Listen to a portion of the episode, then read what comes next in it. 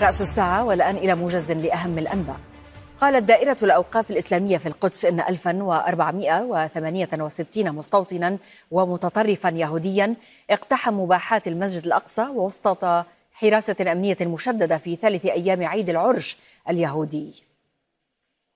كما اعتقلت شرطة الاحتلال ثلاثة فلسطينيين من المرابطين في المسجد بعد الاعتداء عليهم بالضرب. هذا ودانت الخارجية الفلسطينية استهداف المسجد الأقصى وقالت إنه محاولة لفرض وقائع جديدة تسعى لفرض التقسيم المكاني.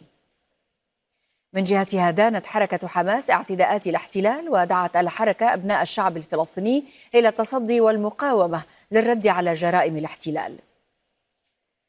قال مسؤول السياسة الخارجية في الاتحاد الأوروبي جوزيف بوريل خلال اجتماع عقده وزراء الخارجية الأوروبيون في كييف أن أقوى التزام أمني يمكن تقديمه لأوكرانيا هو منحها عضوية الاتحاد. وفيما أكدت كييف الحاجة لاستمرار الدعم قال الكرملين أن ما وصفه بتعب الغرب من تمويل كييف سيزداد وسيؤدي لتفكك النخب السياسية وانقسام الرأي العام الغربي إزاء أوكرانيا. اتهم رئيس وزراء كوسوفو صربيا بالتخطيط لشن هجمات في بلاده وأضاف أن الصرب الذين اشتبكوا مع قوات الأمن الكوسوفية الأسبوع الماضي تدربوا في قاعدة للجيش الصربي. من جهته قال وزير الدفاع الصربي إنه إذا تلقى الجيش امرا من الرئيس بالهجوم على كوسوفو فإنه سينفذ هذه المهمة بنجاح.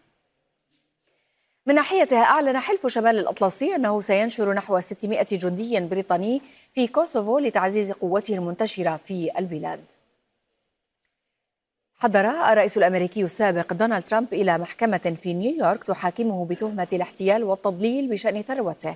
وبينما قالت المدعية العامة أن ترامب ارتكب جرائم احتيال وكذب بشأن ثروته الصافية لإثراء نفسه وخداع النظام قال ترامب إن هدف الدعوة هو منعه من خوض الانتخابات. جولتنا الإخبارية انتهت. شكرا لكم على طيب المتابعة وفي أمان الله. إلى اللقاء.